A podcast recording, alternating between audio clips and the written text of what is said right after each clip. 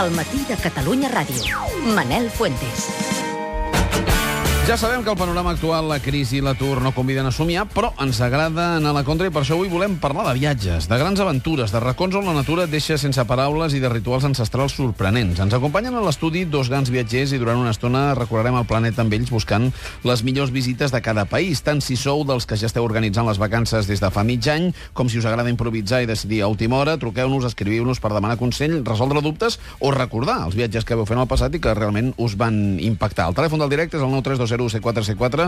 A l'estudi tenim en Gavi Martínez, és escriptor, que ha de publicar el llibre de viatges en La Barrera, de l'editorial Altair. Molt bon dia, Gavi. Hola, molt bon dia. La Barrera de Corall. De Corall, sí. La Barrera d'Austràlia. Australiana, tota mm. la, la part de l'est d'Austràlia. Que t'ha fascinat tant que dius, a, a més a més de viatjar i de recomanar que, que, que hi viatgin, escrit un llibre. Sí, bueno, a part de la fascinació també és per la literatura. Aleshores, com que una cosa va amb l'altra, doncs eh, sí, he fet un llibre que va des de, des de Brisbane fins a Cape York. I la part més fascinant de totes, et diria que és la, la de Cape York, perquè és la més salvatge encara, no? Mm, en canvi, la Sandra Canudes, que és viatgera i consultora del web eh, consultoriaviajes.com, dius, home, Austràlia tu pots saltar, diu ella. Sí, jo preferiria més Nova Zelanda. Posats a posar en un vol i volar 24 hores, jo crec que és més assequible, les distàncies són més curtes i els paisatges són més interessants. Anem a mirar-nos la bola del món. Si, si haguéssiu de triar o, o recomanar un viatge, mm, diguéssim, per...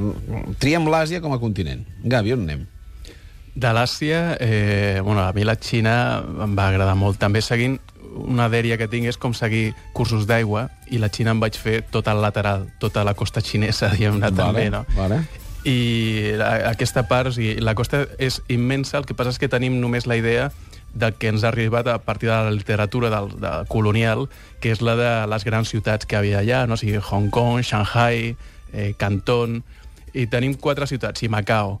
Però a part d'aquestes ciutats hi ha, tota, hi ha com 14.000 quilòmetres de costa que, on hi ha moltíssimes ciutats i pobles petits que són fascinants i dels que pràcticament no sabem res. De Xina ens ha arribat sobretot el que és la, la part eh, econòmica. Tenim molts números, però quan pensàvem en xinesos, fins abans dels Jocs Olímpics, pràcticament pensàvem en, en els boxers, no? amb aquests eh, xinesos sí. amb, amb la cueta, tots rapats sí. i tal i tota la part aquesta de, de la costa xinesa, que a més és molt agradable perquè pots eh, gaudir de, de cultures molt diverses des del nord fins al sud, penso que és un dels recorreguts més eh, didàctics i alhora compliance no? que pots per exemple, fer actualment. Des de Shanghai recomanes anar a la illa de Putushuan. Sí, Putushan està com un parell d'hores en barco des de Shanghai i talles completament el ritme metropolità mm -hmm. que, dona, que dona la capital. No?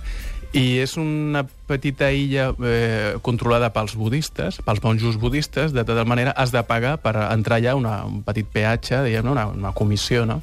per tenir una taxa, una taxa, una taxa sí. turística per, eh, perquè guarden, eh, o sigui, tots els jardins estan molt ben cuidats, eh, està la, és una ciutat eh, molt artificial, això sí que ho tenen els xinesos, que són grans espais, però els tenen tots molt controlats sempre. O sigui, tu veus que està tot com molt ordenat, malgrat l'extensió enorme que, que tenen allà. I aquesta ciutat és, en un, a petita escala, doncs un exemple de què de cuidado que tenen ells per, per tots els espais. No? Mm -hmm. Aleshores, tu pots anar caminant per la platja o per una muntanya i tal, i és molt curiós de trobar-se doncs, a, a un monjo allà meditant el seu racó. De, de l'Àsia, la Sandra el que salva bàsicament és el sud-est asiàtic. Sí, bueno, més que salvar és un, la, gran la, la part recomanació. preferida, no? Sí. Diguem de que la Xina seria una mica la part exòtica, rural, potser amb més incomoditat de viatge, i el sud-est asiàtic, al ser doncs, més turístic, sobretot la part de Tailàndia, doncs et dona més facilitats. Uh, igualment, val la pena, i sobretot jo recomano Vietnam, el Mhm. delta del Mekong, uh, com l'estil de vida que tenen sempre està enfocat als rius, l'energia que et desprèn, els temples budistes, el llevar-te a les 5 del matí en el mercat i veure l'exotisme que tenen inclús amb la gastronomia, tot Mhm. això... És un... Això passaria a, a Vietnam. Sí. Eh, crec que tu a nivell gastronòmic recomanes provar les granotes. Sí, les, de fet és que com que ja són uns rius espectaculars que encara no estan contaminats i realment es dediquen directament a la pesca, les granotes que hi ha són, són impressionants, no? Tenen un gust a pollastre i són bastant grans, no són com les d'arribo d'aquí. I a Cambodja, el temple de- d'Angkor. Sí, el, diguem-ne que tota la zona de Phnom Penh, precisament perquè la, la, si em rep tota aquesta zona per, per la, les diferències arquitectòniques que té i amb el poc que estem acostumats als edificis, doncs em valdria la pena veure-ho. És la, la típica pel·lícula doncs, de, de Lara Croft, no? que tothom identifica doncs, aquest paisatge i és molt tòpic i típic, però realment valdria la pena. Sandra, i cinema a l'Àfrica? Jo la zona que domino més és la subsahariana i sempre recomanaria, sempre, com, quan et diuen aquests llibres, eh, los 100 lugares del mundo que tienes Sí. que visitar antes de morir, jo diria que no tant al millor és una destinació com que realment no us quedeu sense fer un tour per al desert. El, el fet d'escoltar el silenci eh, sembla com una utopia, però que realment quan fas un viatge d'aquests el, el trobes no? i l'escoltes i crec que val la Es pena. pot fer sol, s'ha d'anar amb guia... Mm, 100% amb els temps que corren s'ha d'anar amb guia. A més que els tòrecs són els únics que realment es poden orientar amb aquestes llargues distàncies perquè nosaltres ens dona la sensació que tot és el mateix, no? Són ells els que realment tenen referències com per saber on, on et trobes. Impossible, no sé que sigui amb un GPS i dominis del tema, poder-te tu localitzar. A més que tampoc no és recomanable per temes de seguretat avui en dia fer la zona de, desèrtica sol. Eh, però fer-la acompanyat és recomanable a nivell de seguretat. Sí, sí, sí. No hi ha problemes. un 4x4, un mapa, un contractar un Tuareg o dos i automàticament, més que res perquè també t'has d'adaptar les- als temes de supervivència d'ells. Tu Mhm. no saps calcular quanta aigua necessitaràs per 8 dies, eh, quin tipus de menjar pots portar, les temperatures que hi hauran, quins són els riscos de vent, totes aquestes coses que són importants en un clima i en una situació geogràfica com aquesta. Hi ha algun animalet perillós que deu haver per allà. Bueno, sí, algun escorpí, el... sí. Que si pica s'ha acabat el tema, no? Home, ja directament... Normalment els escorpins estan sota les roques, no? Mhm. Amb la qual ja directament, quan identifiques zones per fer segons quines necessitats, etc., ja saps on, on, on has d'anar, on... Els tòrics et van avisant absolutament de tot. A la roca, no. Eh, el Galvi prefereix Sudan. Sí, Sudan, sí, sobretot perquè el, el Tai... O sigui, a Sudan vaig arribar d'Uganda, que és un, una Àfrica on eh, la gent d'allà, diguem-ne, és més clàssica en el sentit... O sigui, eh, tu ets un blanc i tothom et mira com a blanc. S'apropen a tu, de, demanen coses... mm, Eh, la relació és com més de- d'estranger. De, Al Sudan em va sorprendre molt la dignitat de la gent d'allà, o sigui que en cap moment, això potser era perquè era més evident que, que sabien que estaves allà, però no, no, no et miraven, o sigui, era una sensació estranya perquè venint d'altres països eh, d'Àfrica negra, on tu ets evident el blanc, al Sudan on pensava que seria encara més acusat això, perquè a més la gent vesteix de blanc, o sigui, eh, el contrast és molt, molt acusat, doncs eh, allà podíem eh, funcionar pràcticament que feia la sensació d'incògnit. No és així, però, però la sensació la tenies. Et mous còmodament. És veritat que la burocràcia és una mica passada, perquè Mhm. per fer qualsevol moviment, i sobretot pels diners, has de treure diners, si vols allunyar-te de Khartoum, has de treure molts diners a Khartoum i Perquè no podràs treure enlloc més. no, no pots treure, no? I aleshores és, és una mica enredós per anar amb el tot el fajo allà, uh -huh. però després, una vegada t'endinses dins del país, el, aquest silenci que comentava la Sandra, no? doncs eh, es fa impressionant. I seguint la, la línia del Nil, perquè aquest va ser el viatge, o sigui, vaig fer el, el Nil des de les fonts fins a la desembocadura, no? Eh, l- l- l- és impressionant el, un mateix paisatge com pot arribar a canviar sense eh, només amb, amb roca, sorra i aigua. O sigui, les varietats durant molts quilòmetres són, són impressionants. I el que passa és que és un viatge que no s'acostuma a fer, precisament perquè són a Sudan, ha estat un dels mm, eh, països del, de l'eix del mal durant molt de temps, Ja. no? Però És així o no? S'hi pot anar o... si, pot, o sigui, si no fas cap mm, tonteria i més o menys et comportes com et comportes a casa teva, jo penso que pots viatjar sense cap problema. La gent és molt, molt amable, tothom, o sigui, mai troba, tindràs un problema, són hospitalaris, i pots viatjar fins a la frontera amb, Sí, amb el Caire, fins al llac s'exagera Nasser. una mica, no? Sempre, Sí. sempre s'exagera en el sentit de que dones... Jo a vegades, precisament perquè he estat viatjant molt, a, a vegades em tocava la meva mare, què ha passat això, què tal? I, i tu estàs viatjant per allà i ni t'has enterat, no? Moltes vegades també els mitjans de comunicació accentuen una miqueta la perillositat quan realment sí que hi ha problemes, però que tampoc no són tan greus. Claro, I clar. molts països que la gent en aquests moments no viatjaria per por i després vas i tampoc passa res. És que a través del turisme es va llogar amb molts calés, eh? Clar. Bueno, Molts turisme, canals. interessos, cadenes hoteleres... També és, és diferent també viatjar, això, o sigui, si vas amb un grup, de vegades deies, anem a no sé on, i aleshores et posen policies, i si vas amb 8 persones, 10 persones... que crides més l'atenció. Sí, crides molt més l'atenció si vas tu sol o amb algun acompanyant, o sigui, tu et vas movent i segons com podries passar pràcticament desapercebut, no? O sigui, no ho passes És que et perquè et localitzen, però...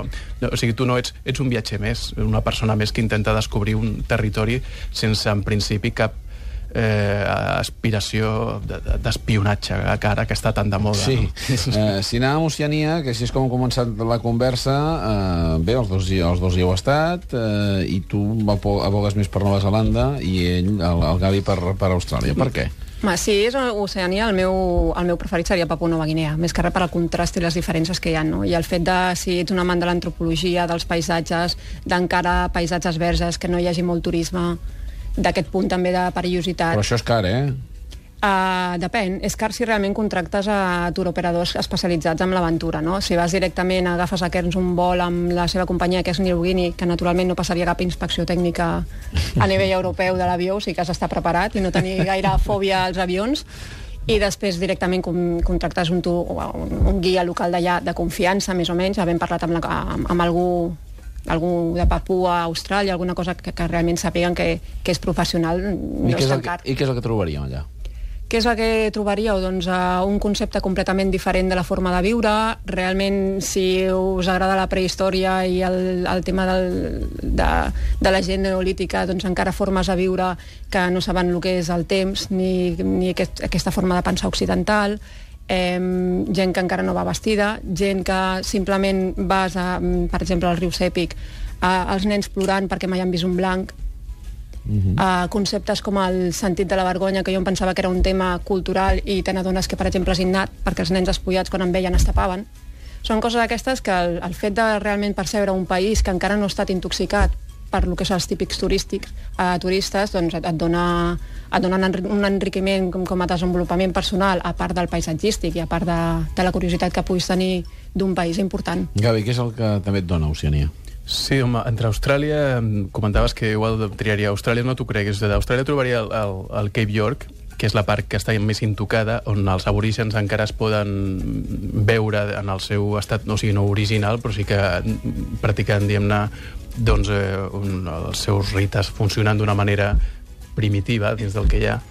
Mentre que, ja que estàs a Oceania i estàs a prop, sí que baixaria igualment a Nova Zelanda i sobretot a la, a la, a la illa sud, que penso que la, és la que continua estant també més virginal i on pots a més trobar en la part de, de fauna un biòleg s'ho passa allà impressionantment els ornitòlegs ja ni t'ho dic no? perquè a més és on es troben a, a, a la més gran quantitat d'aus sense eh, que no poden volar del món per això, de fet, eh, o sigui, allà tens, les, tens des dels kiwis, els, nous, els neozelandesos es diuen ells mateixos kiwis, perquè eh, s'identifiquen amb... Ells són forts i són gent preparada per tot, aventurers que caminen amb els peus nus, eh, no? descalços, els pots veure dins de la ciutat la gent que, que va així, però per això, com per aquesta superioritat que ells veuen física que tenen, amb els All Blacks, l'equip de rugby, no? que és, que és Mm, sí. Doncs precisament no els hi fa res identificar-se amb els kiwis, que són uns, uns petits eh, pollets, o sigui, ocellets, no? que viuen sobretot al sud, perquè és el que els hi queda per sobreviure, i perquè en realitat són uns supervivents nats i eh, malgrat que són petits són grans lluitadors eh, ells mateixos no? i per això o sigui, penso que és, eh, en, dins de la identificació amb aquests ocellets doncs eh, parla molt de, de quin és l'esperit de la gent que, que viu allà un, de Ara- contacte amb la natura i de resistència No? Sandra també destaca Rapa Nui i la illa de Pasqua. Sí, Rapa Nui, la...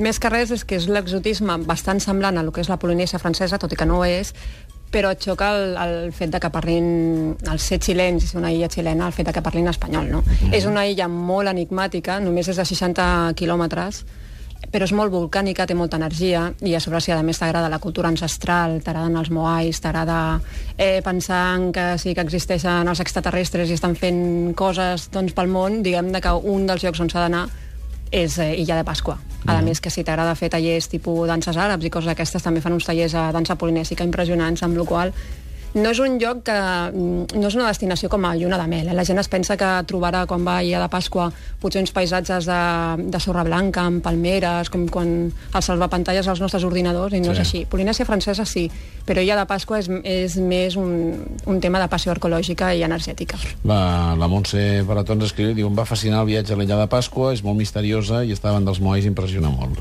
Sí. Ja que estàvem anant de- d'Oceania en- en llançant a, a, amb Amèrica, amb què us quedeu? D'Amèrica del Sud o d'Amèrica Central o d'Amèrica del Nord? Uh, jo, Perú. Perú, eh? I per què Perú? Uh, ara et dirien, està de Ens moda... estan les- venent molt la gastronomia. Sí, ara està de, sí, la gastronomia ara en- s'està com posant com de moda, no? Ara Ens la majoria dels xefs... molt, sí, sí. estan venent el ceviche. De fet, dintre del, de la gastronomia internacional, la, la peruana és una de les... Si realment estàs allà, una de les coses que pots gaudir és, és la gastronomia, no? Um, el paisatge també és brutal i ja sé que és un clàssic, però visitar el Machu Picchu de la mateixa manera que has de visitar, si estàs a la zona de Llatinoamèrica, el Perito Moreno o les catarates d'Iguassú, és que és obligatori. És una llàstima perquè jo, mm, en el meu cas, sempre intento sortir una miqueta de la visió aquesta turística, no? Mhm. Però al final és que hi ha paisatges que són turist, turístics i tenen una raó de ser, i aquesta raó és que és, És és espectacular. el, els pèls a puntar. Gavi, què tries d'Amèrica? D'Amèrica, o sigui, jo tinc una visió molt més metropolitana d'Amèrica, perquè pràcticament sempre m'he interessat per les, per les grans ciutats. Eh, I en concret, a més, on vaig passar molt de temps, i aquí sí que vaig fer una exploració, també va sortir un llibre, va ser en concret un gran clàssic, diguem-ne, que seria Nova York a dalt, no? Mhm. I després, eh, Cuba, a mi m'interessa molt per també eh, parlava abans dels kiwis, per la part aquesta de resistència que té aquesta gent i de, de viure amb els seus inventos típics, no? de, de, de, que van sortint eh, la imaginació com pot fer-te sortir tirant endavant eh, de, de qualsevol situació compromesa, que ara, a més, és especialment adient. Fa poc em trobava amb una amiga cubana que em deia que estava copsada, que havia passat uns, uns dies aquí i que, le, que le, li havia trastornat eh, veure el ritme de consum que tenim aquí dins de, de la ciutat. No? Mm -hmm. Fa uns anys ella estava com molt preocupada per la situació cubana, ara se sent com més tranquil·la, potser perquè la comparació eh, diguem que surt favorable allà a Cuba no? respecte a Espanya. Ja. I si parlem d'Europa, algun lloc que potser no hi hem parat molta atenció i, i val la pena ser visitat? Sandra, què ens Sí, dius? mo moltes vegades tenim aquesta mania de, de fer grans viatges, com si lo exòtic i lo impressionant quedés lluny, i de fet hi ha molts destins.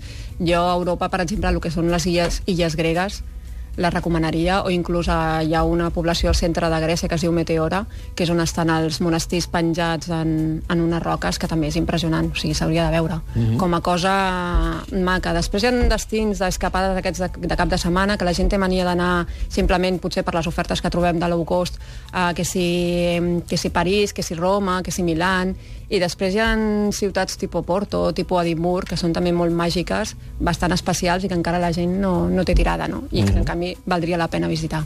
En el teu cas, Gavi, què, què destaques? A mi, les Azores és un destí com poc visitat, que encara manté tot aquest, eh, aquest aïllament no? de les illes del nord, que a més trenques, eh, te'n vas a, a l'Atlàntic profund, mm, estàs a prop més o menys a un parell d'hores de vol de, del continent i realment el, eh, sembla estrany, però és un lloc amb, amb poc turisme. I allà pots veure des de balenes, dofins, pots mm, realment entendre, per exemple, llibres del, de l'Antonio Tabucchi, com La dama de Portopim, que passa allà a Fallal, no? a, a Horta, i on pots mm, realment imbuir-te d'aquest sentiment de mar profund, allunyat de tot, i que, malgrat tot, per qualsevol urgència o circumstància, com et dic, doncs, estàs a prop, a prop de, de casa. No? A mi m'ha fascinat la Sandra perquè és economista i politòloga, eh, un postgrau de màrqueting internacional, comerç exterior, i dius, no, no, a mi m'interessa això.